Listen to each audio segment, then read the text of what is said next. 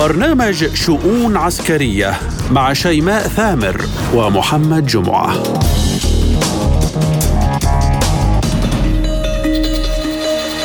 ملفات عسكرية وشؤون جديدة من وكالة سبوتنيك الإخبارية بموسكو. نتناوب على تقديمها أنا شيماء ثامر. وأنا محمد جمعة والبداية بالعناوين. القوات المسلحة الأوكرانية تعارض وقف إطلاق النار عشية رأس السنة الجديدة. المملكة العربية السعودية توقع على اتفاقية أمنية مع المملكة المتحدة فما هي الدلائل والغايات؟ واشنطن تجهز لقاعدة عسكرية في الرقة فما هي التداعيات وما هو السيناريو القادم في الرقة؟ خمس سنوات على تحرير الأراضي العراقية من داعش الإرهابي وملحمة سطرها الجيش والحشد الشعبي. تحية طيبة لكم أينما تكونون وإلى التفاصيل والبداية من الملف الروسي الأوكراني. مع دخول العملية العسكرية الروسية الخاصة في أوكرانيا شهرها العاشر. لا تبدو في الأفق أي دلائل لعزم أطرافها المباشرة أو غير المباشرة على الانخراط في عملية تفاوض لوقف القتال. ليأتي من وراء المحيطات من يقول أن الولايات المتحدة لا تحارب روسيا ولا تسعى إلى نزاع معها لكنها ستواصل تزويد أوكرانيا بالسلاح مهما كانت المدة المطلوبة. كان هناك أمل بأن يتوقف إطلاق النار عشية رأس السنة ولكن عارضت هيئة الأركان العامة للقوات المسلحة الأوكرانية وقف إطلاق النار المؤقت عشية رأس السنة الجديدة. بينما يقول نائب رئيس مديرية العمليات الرئيسية لهيئة الأركان العامة للقوات المسلحة الأوكرانية الكسي جروموف أنه سيكون هناك وقف كامل لإطلاق النار فقط عندما لا يبقى محتل واحد على أراضينا. للحديث أكثر عن هذا الموضوع دعنا نستضيف معنا من دمشق يا محمد الخبير بالأزمات الدولية الدكتور عبد الله فندي. مرحبا بكم دكتور بشؤون عسكرية وبداية يعني عشرة أشهر على حرب أوكرانيا. ما مستقبل الصراع وسيناريوهات إنهاء القتال ولا سيما أنه لا أفق لحسم عسكري. صحيح في الواقع يعني الصراع في أوكرانيا يعني نحن نتذكر ان الغرب الولايات المتحدة الأمريكية والغرب دفع باتجاه هذا الصراع وبدات التحضيرات قبل 2014 وكما ذكرنا في حلقات سابقة أعتقد أن الموضوع متعلق بشكل التحضير لشكل العالم الجديد. هم يريدون إنهاك روسيا وبالتالي بحيث لا تكون لها نفوذ كبير في ما يسمى العالم الجديد المزمع بناءه بالتالي أعتقد أن هذه الحرب ستستمر طويلا. لأن الدعم لن يتوقف من جهة الغرب. وبالتالي أعتقد على روسيا إيجاد طرق أخرى للتعامل مع هذه الأزمة. عسكريا من الصعب الحسم كما ذكرنا لأن لأن الحسم يعني ضحايا يعني عدد ضحايا كبير وهذا لا تريده روسيا أيضا. وبالتالي أعتقد أن هذه الأزمة المركبة جزء من التحضير للعالم الجديد كما ذكرت. طيب دكتور عبد الله يعني الشعب الأوكراني والروسي بالنهاية هما شعبان شقيقان تجمعهما اللغة السلافية والقيم الأرثوذكسية السامية، كان الأمل معقود على عشية رأس السنة إلا أن التصريحات تأتي بالتهديد والوعيد، ما الذي أفاض الكأس إلى هذه الدرجة؟ صحيح يعني هاي هذه هذا في الأساس من أهدافهم لأن ضرب الدومباس هذا يعني تعزيز هذا الشرخ بين الأمة السلافيه بحجة أن هنالك انفصاليين أو روس إلى ما هنالك. وبالتالي هم يريدون أن يستمر هذا النزيف لتقسيم الأمة الروسية ولإحداث هذا الشرخ ولإحداث ردات فعل حتى داخل المجتمع الروسي بحيث يتم الضغط على الحكومة الروسية بشكل مزدوج. يعني من جهة قيود الجبهات وقيود العملية العسكرية ومن جهة أخرى القيود الداخلية أو إثارة العواطف الداخلية. بالتالي أعتقد أن هذه الحرب المركبة هي حرب مكررة تكررت في سوريا في العراق في أماكن أخرى ونفس الحجج ولكن للأسف الشديد أعتقد أن العنوان هو واحد هم يريدون القضاء على الإنسان بشكله الحالي أي مقابل الانسان الجديد الخالي من القيم وأعتقد أن يعني أن الروس المفترض أنهم يدركون جيدا هذه المشاريع. للأسف أننا شهدنا هذه الحرب التي تطول وتطول بشكل كبير جدا. نتمنى أن ينتهي هذا الصراع في أوكرانيا وألا يكون هناك أي ضحايا. طيب دكتور يعني اليوم تتعرض مناطق سكنية كثيفة يعني مكتظة بالسكان في مدن دونباس لقصف عنيف أوكراني بعشرات القذائف. برأيك لماذا هذا الاستهداف الدموي؟ لمناطق يقولون عنها أنها أوكرانية وأوروبا تؤكد ذلك؟ صحيح يعني أستطيع ان أن أقول ان أن أؤكد أن الغرب ليس بوارد انهاء هذه الحرب. يمكن انهائها ببساطة ولكن هم يريدون تحقيق أهداف. وهم يريدون احداث شرخ في الأمة السلافية. آه، وتقسيم الكنيسة كما ذكرنا يعني الكنيسة الشرقية هي معروفة في أوكرانيا وفي روسيا لأن الشعب من جذر واحد هو الجذر السلافي هم يدعمون ما يسمى الكنيسة الغربية يحاولون آه، احداث شرخ كبير في الأمة السلافية. آه، وبالتالي كل هذه الأمور تخدم عدة مواضيع. هم هم لا يؤمنون بالدول يريدون تدمير أوكرانيا وتأثير على الدول الأخرى مقابل إنشاء ما يسمى كيانات. أو ما يسمى مدن ذكية والقضاء على الأديان. يعني لا يستهدفون الأرثوذكسية فقط الشرقية وإنما كل الأديان.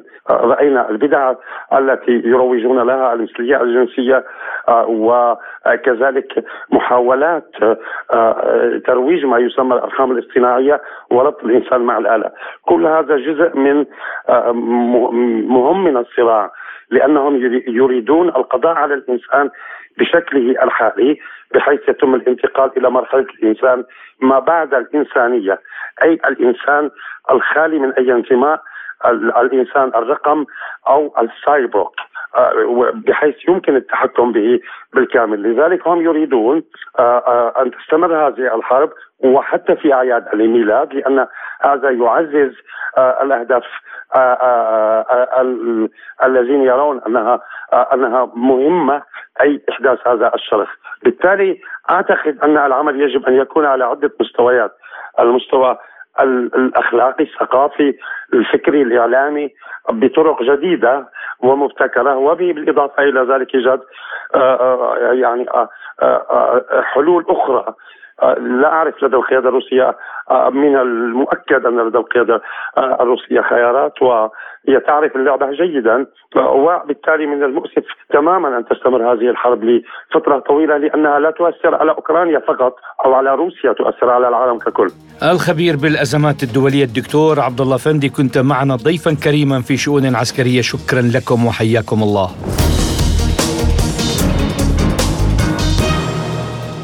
وإلى الرياض.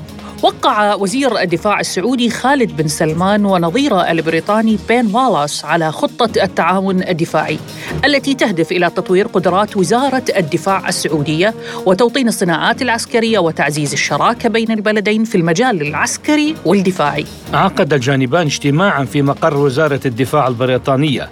جرى خلاله استعراض العلاقات الاستراتيجية والتاريخية بين البلدين وبحث أوجه التعاون الثنائي في المجال العسكري والدفاعي وأيضا سبل تعزيزه بالإضافة إلى مناقشة عدد من قضايا ذات اهتمام مشترك وتطورات الأوضاع على المستويين الإقليمي والدولي. ليصبح السؤال ماذا وراء ذلك التعاون العسكري وهل هو ضربه سعودية جديدة لواشنطن؟ للحديث أكثر عن هذا الموضوع ينضم معنا عبر الهاتف الباحث في العلاقات الدولية الأستاذ بشير بدور مرحبا بكم أستاذ بشير يعني بداية تعاون عسكري سعودي بريطاني هل هو ضربة سعودية جديدة لواشنطن؟ كيف تقرأ هذا التعاون؟ يعني اولا أنا لا أعتقد أن هذه الخطوة الذي كما تحدث عنها مراقبون بأنها ربما تكون ضربه إلى الولايات المتحدة لسبب بسيط جدا أننا نعلم جميعا العلاقة الأصيلة ما بين الإدارة الأمريكية والاستخبارات البريطانية بشكل لا أقول آني ولكن أمدي وتاريخي. وبالتالي اليوم أي فعل يصدر عن الإدارة الأمريكية هو مرتبط بارتباط وثيق وعضوي مع الاستخبارات البريطانية أو مع العالم الغربي الأوروبي بشكل عام. وهذا ما يعني شوهد عبر خمسة عقود من السنين. لذلك اليوم إذا كنا يعني نتساءل بأن هدف الإدارة أو المملكة من هذا الأمر ضربة للإدارة أو بمعنى أنه يعني التفاف ربما آه، إلى سياسات خارجية معينة من المملكة. أنا أعتقد أنها ربما تكون يعني أقرب إلى أن تكون حالة إعلامية أو حالة سياسية في الإطار يعني الجيوبوليتيك الذي تسعى إليه المملكة لإعطاء صورة جديدة عن حالة المملكة حيث تقود ربما وأقول ربما الحالة الإسلاموية في الدول الإقليمية أو الشرق الأوسط. أنا هنا أيضا لا أعطي يعني لا أريد أن حالة سلبية إلى المملكة في في دورها. ولكن هناك قضايا نتساءل نحن كدول إقليمية كدول شرق أوسطية كدول عربية قول بين هلالين إسلامية.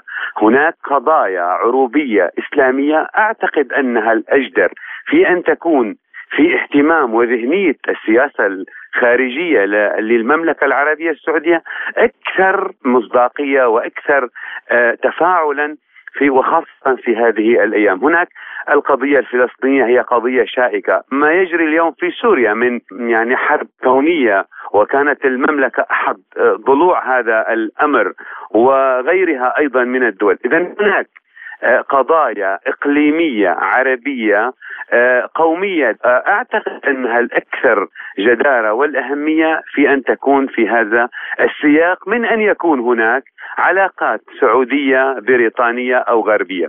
وهذا أيضا يعني يأخذنا على محمل آخر من العلاقات الأخرى من دول الخليج مع بعض يعني إن كان الدول الغربية وحتى مع الكيان الصهيوني في ظل ظروف تعاني المنطقة بشكل عام حتى الجمهورية الإسلامية من هذه المفارقات وهذه التحديات وهذه ال يعني ال ال السلبيات التي تجري في ظل عدم احترام القانون الدولي. أنا أيضا أوجه باعتقاد صغير يعني أن آه يعني هي ربما التفافة جديدة لدور المملكة إبعادها عن الحالة الإقليمية وخاصة ما يجري اليوم من تحديات مع الجمهورية الإسلامية الإيرانية في ظل يعني حالة التخصيب والملف النووي وغيره. وإذا أخذنا البعد الآخر من الحالة الدولية أن يعني هناك علاقات وثيقة تقوم بها الدولة الروسية في الإطار الدولي الإقليمي أيضا ويعني بخصوص أيضا العمليات العسكرية الروسية، هذا أيضا يعود يعني بحاله الإعلامية إلى حد ما في سحب ربما أو دعم المملكة البريطانية على المملكة السعودية لما يجري. وكان هناك علاقات سياسيه أو دبلوماسية بين الدولة الروسية والمملكة. أعتقد أنها أيضا خطوة ل سحب البساط في في هذا الملف بشكل عام يعني اخصص بهذا الإطار. طيب أستاذ بشير يعني ربطا مع ذكرت حضرتك يعني المنطقة تشهد توتر واقتراب لعملية عسكرية تركية نحو سوريا تلوح بالأفق تغيرات استراتيجية على صعيد العالم. ما الذي يقلق السعودية لتبحث عن تعاون عسكري في أوروبا؟ نعم أنا أشكرك على هذا السؤال وفي غاية من الأهمية وأعتقد أنه يعني على مسامع الكثيرين ولسان حال الكثيرين فعلا يعني اليوم الأولى بذلك أن تكون المملكة إلى مرتكزة في علاقاتها مع دول الجوار. أتحدث عن الدولة الإسلام عن الدولة الإيرانية. اليوم هناك ملفات عالقة في المنطقة الإقليمية أولا وحتى على المستوى الدولي. عندما نتحدث عن علاقات سعودية غربية ترتبط ارتباط وثيق وربما نقولها عضوي مع. إن كان الكيان الصهيوني وهذا طبعا لسان حالنا نحن السوريون أو الاستخبارات البريطانية أو حتى الإدارة الأمريكية في آلية التعامل والسياسة الخارجية إن كان للإدارة أو حتى للمملكة السعودية. وهناك ملف يعني طرح مؤخرا وكان هناك عليه آه، نزاع إلى حد ما وأعتقد أنه نزاع اعلامي ملف خاشقجي ومقتل الصحفي في في تركيا نتيجة الأمر يعني نتحدث اليوم عن سؤالك بكل شفافية لا قلق على المملكة ولكن أنا أعتقد أنها استجداب آه، أو آه، سحب لهذه يعني لهذه المملكة لنظام هذه المملكة لإخضاعها لأن تكون بيضة قبان في أي عمليات أو ملفات إقليمية أو دولية. الباحث في العلاقات الدولية الأستاذ بشير بدور كنت معنا ضيفا بشؤون عسكرية. شكرا لكم وحياكم الله. وإلى المشهد السوري. أكد المرصد السوري لحقوق الإنسان أن القوات الأمريكية تتحضر لإعلان عن أول قاعدة عسكرية لها بالرقة ذلك بعد انسحابها من هذه المنطقة بعام 2019 بحسب المرصد تم الانتهاء من تجهيز مهبط للطيران وثكنة عسكرية قرب الرقة. كما تواجدت دورية أمريكية ترفع العلم الأمريكي للمرة الأولى حيث كانت الوفود العسكرية والاستخباراتية الأمريكية تتنقل في الرقة سابقا دون رفع العلم الأمريكي. ليصبح السؤال إلى ماذا تسعى واشنطن؟ ولماذا بهذا الوقت تسعى لقاعدة عسكرية في الرقة؟ ولتسليط الضوء أكثر ينضم معنا عبر الهاتف الخبير بالشؤون الأمريكية الأستاذ ستيفن صهيوني. مرحبا بكم أستاذ ستيفن. وبداية قاعدة أمريكية عسكرية في الرقة. بهذا التوقيت كيف تقرأ ذلك؟ وما هي غايات واشنطن؟ آه، في البداية الولايات المتحدة الأمريكية ترى ما تفعله روسيا الحليفة من محاولة التقارب بين أنقرة ودمشق. ومحاولة خفض التوتر ومنع عملية عسكرية تركية وحماية ما تفعله آه، وحماية وخفض التوتر وحماية الشمال آه، السوري من أي توغل آه، تركي. لذلك تريد أن تبقي سوريا. نقطة توتر ليس فقط لسوريا وإنما لروسيا ولتركيا ولكل المنطقة. لذلك لا تريد الانسحاب. أمريكا وواشنطن لا يهمها النفط في الشرق السوري إنها تسرقه وتستخدمه للمصاريف المصاريف داخل داخل سوريا للقواعد للحليف الكردي لأنها لن تدعمهم من الخزينة الأمريكية.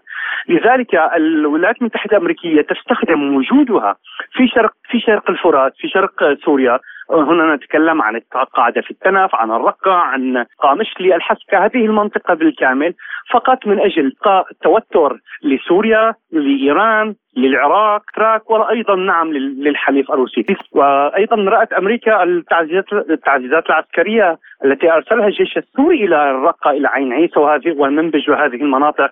وهي لا تريد الجيش السوري أن يسيطر على هذه المنطقة. وبالطبع لن تدخل في عراك مسلح لأنها سيسبب آه، توتر داخل الأمريكي آه، توتر داخل الكونغرس الأمريكي بين الديمقراطيين وبين الجمهوريين. ولكن ما يمكنها ان تفعل تفعل التوتر تضع قاعدة هنا تطلق صاروخ هنا الاعتداء على هناك هنا. لذلك هذا ما تريد أن تفعله. هذا هو الهم الأكبر للولايات المتحدة الأمريكية. كما قلت التوتر في هذا أن تبقى سوريا منطقة توتر ولا تريد سلام في في هذا الوقت. طيب أستاذ ستيفن يعني العلم الأمريكي يرفع علنا أو رفع أمس في الرقة ودوريات عسكرية تتنقل هنا وهناك. كيف تقرأ هذا المشهد في الرقة؟ وأي سيناريو ينتظر هذه المدينة؟ واشنطن تعمل على استفزاز ليس فقط استفزاز الجيش السوري أو استفزاز الحليف الروسي كلا وإنما أيضا هذه التصرفات تستفز أهالي المنطقة وعشائر هذه المنطقة الذي لا يريدون إلا وحدة الأراضي السورية ويعتبرون أنفسهم جزء لا يتجزأ من الجمهورية العربية السورية بخريطتها الكاملة، لذلك أرى في الأيام المقبلة بسبب هذه الاستفزازات سنرى عمليات قاومه شعبية كما ذكر رئيس الدكتور بشار الأسد في عدد من خطاباته إن من سوف يخرج الامريكي الامريكيين من شرق سوريا ومن شرق السوري هو الشعب هنا. إن كنا نتكلم عن الرقة نتكلم عن عشائر دير الزور أو غيرها. المقاومة الشعبية والعشائر آه، السورية الوطنية التي تريد وحدة الأراضي السورية ولا تقبل بالاحتلال هي من ستخرج الأمريكيين من شرق من سوريا ومن شرق سوريا. لذلك نعم أرى التوتر في هذه المنطقة أرى توترا وازدياد بعمليات الاستهداف للأمريكيين ولقواتهم آه، والقوات الأمريكية. والتوتر سيبقى بين الأكراد والأتراك لأن الأمريكيين لا يقفون مع طرف والإثنان هما حلفاء لواشنطن. الخبير بالشؤون الأمريكية الأستاذ ستيفن صهيوني كنت معنا ضيفا بشؤون عسكرية شكرا لكم وحياكم الله. وإلى العراق خمسة أعوام على نصر حققه العراقيون ضد داعش الإرهابي خمسة أعوام على فتوى الجهاد الكفائي التي أطلقها المرجع الديني الأعلى السيد علي السيستاني. خمسة أعوام على ملحمة كتبت سطورها القوات المسلحة العراقية جيش وشرطة وحشد شعبي. ملحمة شعارها كان من حاربنا حار بنا صار المرجع سمونه من السماء ودونه زين تعرف من عيونه سيد ملك بظنونه سيد مطين حجاية نمشي بزود الدقرايه مثل فؤاد المشاية وحنا رجال وحماية يا داعش وينك؟ حاضر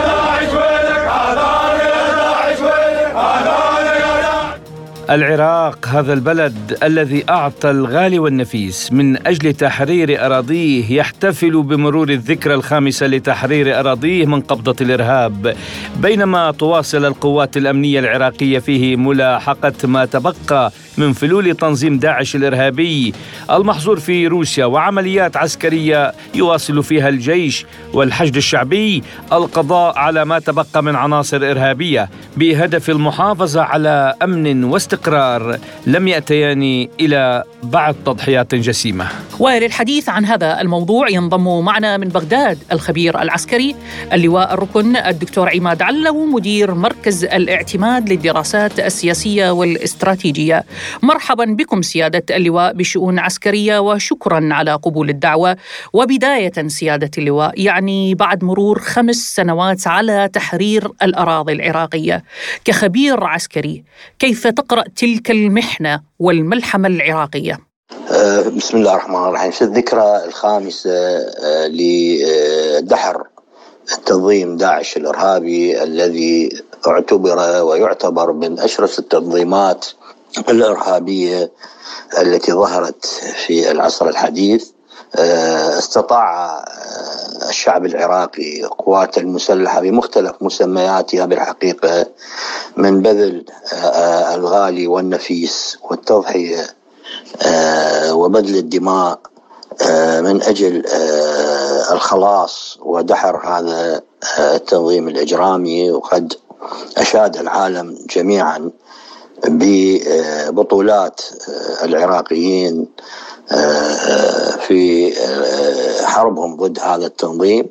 إلى جانب ما قدمه المجتمع الدولي طبعا من دعم وإسناد معنوي ومادي في الحرب ضد تنظيم داعش لكن استطاع استطاعت القوات المسلحة العراقية والشرطة الاتحادية وجهاز مكافحة الإرهاب والحشد الشعبي وكل القوات العراقية بمختلف مسمياتها بالحقيقة خلال ثلاث سنوات ونصف من اجتياح آه، التنظيم لعدد من محافظات العراق. من دحرة بعد أن كانت الحسابات والتصريحات التي صدرت من القيادات الدولية وخاصة القيادات الأمريكية كانت ترجح بقاء الصراع لمدة تتجاوز العشرين عاما. إلا أن آه، إصرار وعزيمة وبطولات العراقيين قلصت هذه الفترة إلى ثلاث سنوات ونصف حيث تم آه، طرد آه، عناصر داعش وإخراجهم من الأراضي العراقية وإنهاء ما كان يزعم التنظيم تسميته بالخلافة وبدولة الخلافة المزعومة آه، وإسقاطها وأيضا آه، الانطلاق باتجاه آه، تحرير ودعم كل الجهود التي تبذل بالحقيقة ولا زالت من أجل الخلاص من فلول وبقايا هذه العصابات المجرمة التي عاثت بالأرض فسادا. طيب سيادة اللواء يعني الكل يتفق أن فتوى الجهاد الكفائي كانت الأمل الجديد والذي صنعت سندا للقوات المسلحة العراقية في تلك الفترة كيف تقرأ دور الحشد الشعبي في تحرير الأراضي ومساندة الجيش؟ آه، بالنسبة للحشد الشعبي بالحقيقة كان دوره متميزا وفعالا منذ آه، يعني آه، بداية المعركة في عام 2014 حيث استطاع الحشد الشعبي وأبطال الحشد الشعبي والمتطوعين من أبناء الشعب العراقي من من تحويل يعني حالة الانكسار النفسي التي كانت سائدة بالحقيقة في أوساط القوات المسلحة العراقية وفي مشاعر وفي فكر الشعب العراقي استطاعوا من تحويلها إلى إصرار على انتزاع النصر وإصرار على هزيمة هذه العصابات الظلامية المتمثلة بتنظيم داعش الإرهابي بما بذلوه من من من تضحيات ومن ما استرخصوه من دماء قدموها للوطن بالحقيقة وإتاحة الفرصة للقوات المسلحة العراقية الأخرى لإعادة تنظيم نفسها وترصين صفوفها ومن ثم القيام بالهجمات المقابلة في مختلف الجبهات من أجل الشروع بتحرير الأرض التي استطاع استطاعت عصابات داعش من السيطرة عليها. وهذا يعني كان بالحقيقة عملية تحول استراتيجي في مسار الصراع مع تنظيم داعش الارهابي فتوى الجهاد الكفائي التي يعني صدرت من المرجعية العليا المتمثلة بسماحة السيد آية الله العظمى علي السيستاني كان لها دور كبير بالحقيقة في في استنهاض الهمم واستنهاض قدرات وإمكانات الشعب العراقي من أجل التفاف حول القوات المسلحة والانطلاق لدحر هذا التنظيم. وهذا ما تحقق فعلا خلال عمليات التحرير التي شاركت بها تشكيلات الحشد الشعبي إلى جانب القوات المسلحة العراقية الأخرى. كان هناك تنسيق كان هناك تعاون كان هناك إسناد متبادل. تمكنت القوات بكل مسمياتها بفضل هذا التنسيق والتعاون من تحرير الأرض التي دنسها تنظيم داعش الارهابي. ختاما دكتور عماد يعني اليوم كيف تقرأ المشهد الأمني في العراق مع حدوث البعض من الخروقات الأمنية؟ يعني على الرغم من حديث القوات العراقية بأنه لم يعد هناك تأثير للإرهاب على العراق لكن بطبيعة الحال الخروقات تحدث هنا وهناك. ما أسباب حدوثها وكيف تقرأ ذلك؟ الخروقات التي تحصل يعني بعد هذه الفترة بالحقيقة من قبل التنظيم يعني لم تكن بالمستوى الذي كان متوقعا لأنه التنظيم بعد هزيمته في الموصل وفي بقية يعني المناطق من الأرض العراقية تحول إلى حرب العصابات أو استخدم استراتيجية حرب العصابات. ولكن العمليات التي شنتها القوات المسلحة العراقية في مراحل لاحقة بعد هزيمة التنظيم استطاعت من انتزاع المبادئ وتدمير القدرات القتالية التي كانت بحوزة التنظيم ومطاردته ومطاردة فلولة في جميع المناطق التي هرب إليها المناطق مناطق الفراغ السكاني والمناطق ذات التضاريس الجغرافية الصعبة المتمثلة بسلاسل جبال حمرين ومكحول وعطشانة وغيرها من المناطق وبادية الجزيرة. هذا الأسلوب بالحقيقة حاول التنظيم من خلاله بناء انفتاح عمليات تراكمي متمثلا بإيجاد مضافات ومقرات قاعدة وسيطرة وأقداس عتاد وفاق.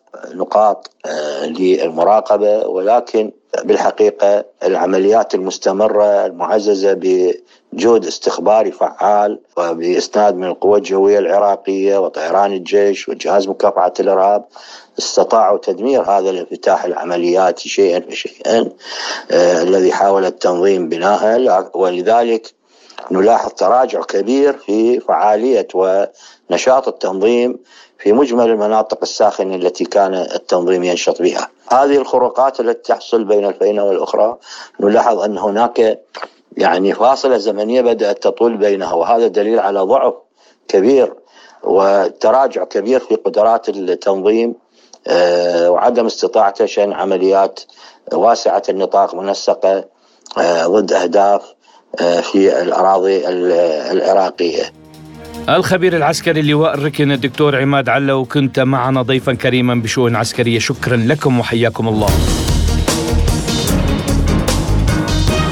إلى هنا. نصل وإياكم لختام حلقة اليوم من برنامج شؤون عسكرية. رافقناكم بها من وراء الميكروفون زميلي محمد جمعة. وزميلتي شيماء ثامر. شكرنا موصول لضيوفنا الكرام بهذه الحلقة. الخبير بالأزمات الدولية عبد الله فندي والباحث بالشأن الدولي بشير بدور. والخبير بالشؤون الأمريكية الأستاذ ستيفن صهيوني والخبير العسكري اللواء الركن الدكتور عماد علو.